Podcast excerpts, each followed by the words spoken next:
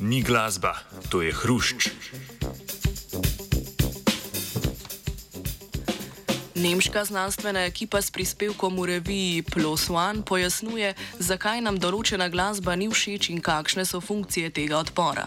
S tem dopolnjujejo vrzel v raziskavah, ki se pretežno ukvarjajo s pozitivnim doživljanjem glasbe.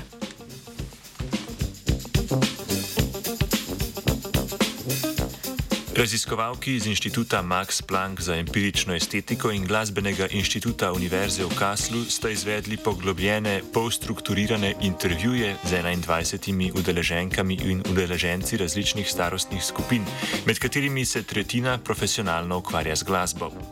Ti so prej pripravili seznam glasbe, ki je ne marajo, v intervjujih pa so poročali denimo o razlogih za odpor do te glasbe, o asociacijah in odzivih na njo, o tem, kaj si mislijo o ljudeh, ki jim je takšna glasba všeč in tako dalje. Raziskovalki sta posnete intervjuje prepisali in jih kvalitativno analizirali.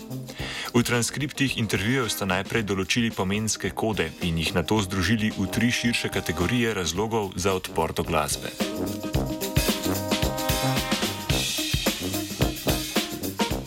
Prva kategorija je povezana z glasbo samo in zajema denimo melodijo, ritem, vsebino, kompleksnost, originalnost in izvedbo. Udeleženim pri njim neljubi glasbi, naprimer, ni bil všeč zvok instrumenta ali vokala, melodija se jim je zdela preveč preprosta ali preveč kompleksna, ritem prehiter ali prepočasen in podobno. Skrajen odpor pa so izrazili z izjavami kot je: Zame je to hrušč in ne glasba. Druga kategorija je povezana z individualnimi, naprimer čustvenimi in telesnimi odzivi na glasbo. Udeleženke in udeleženci so poročali, da jih ob določeni glasbi prevzame negativno razpoloženje, da v poslušanju čutijo fizično napetost, da so določeno glasbo že prevečkrat slišali. Moti jih tudi, če je besedilo skladbe v nasprotju z njihovimi stališči, če je glasba neautentična in podobno.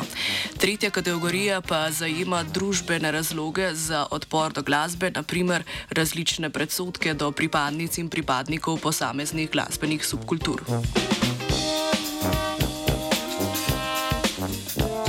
Avtorici izpeljujeta, da ima odpor do glasbe podobne funkcije kot njena všečnost. Prvič je del izražanja in oblikovanja identitete, kar so udeleženke in udeleženci opisali tako, da se z določeno glasbo poistovetijo, z določeno pa ne. Avtorici izpostavite tudi, da ima odpor do glasbe funkcijo izogibanja negativnim čustvenim in fizičnim stanjem ter spominom, ki jih ta glasba sproži. Tretjič pa ima neodobravanje določene glasbe funkcijo izkazovanja poznavanja glasbe in izbranega glasbenega okusa. Na zadnje pa je odpor do določene glasbe, kadar se ta ne ujema s političnimi prepričanji osebe, tudi sredstvo umeščanja te osebe v družbo oziroma družbene skupine.